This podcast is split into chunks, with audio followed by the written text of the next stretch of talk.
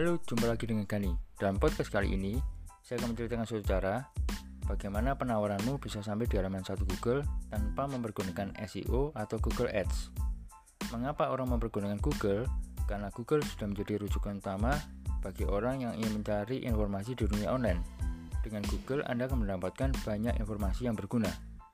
Bayangkan jika penawaranmu bisa sampai di halaman satu, maka Anda akan bisa mendapatkan traffic gratis dari Google yang menghubungimu untuk mendapatkan informasi usaha ataupun jasa yang Anda miliki. Menarik bukan?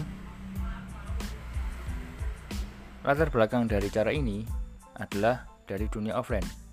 Ketika Anda memiliki suatu usaha di dunia offline, maka Anda ingin orang banyak mengenal usahamu, maka Anda melakukan yang namanya promosi ada banyak cara promosi, namun cara yang mudah dilakukan oleh banyak orang adalah dengan mencetak brosur, kemudian membagi-bagikannya ke siapa saja supaya mereka bisa mengenal usaha Anda.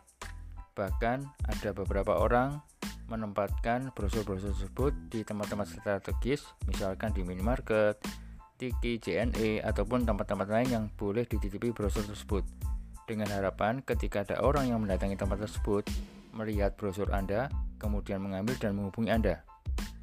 Bayangkan dengan cara yang sama, Anda bisa terapkan di dunia online, di mana Anda bisa menyebarkan brosur informasi produk Anda di berbagai tempat, dan ketika ada orang mengetikkan kata kunci yang berhubungan dengan produk atau jasamu, maka tak lama kemudian informasi produk yang Anda sebarkan tersebut akan muncul di halaman satu Google.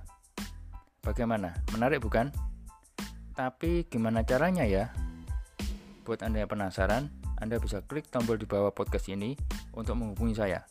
Terima kasih sudah mendengarkan podcast ini. Sampai jumpa pada podcast-podcast berikutnya.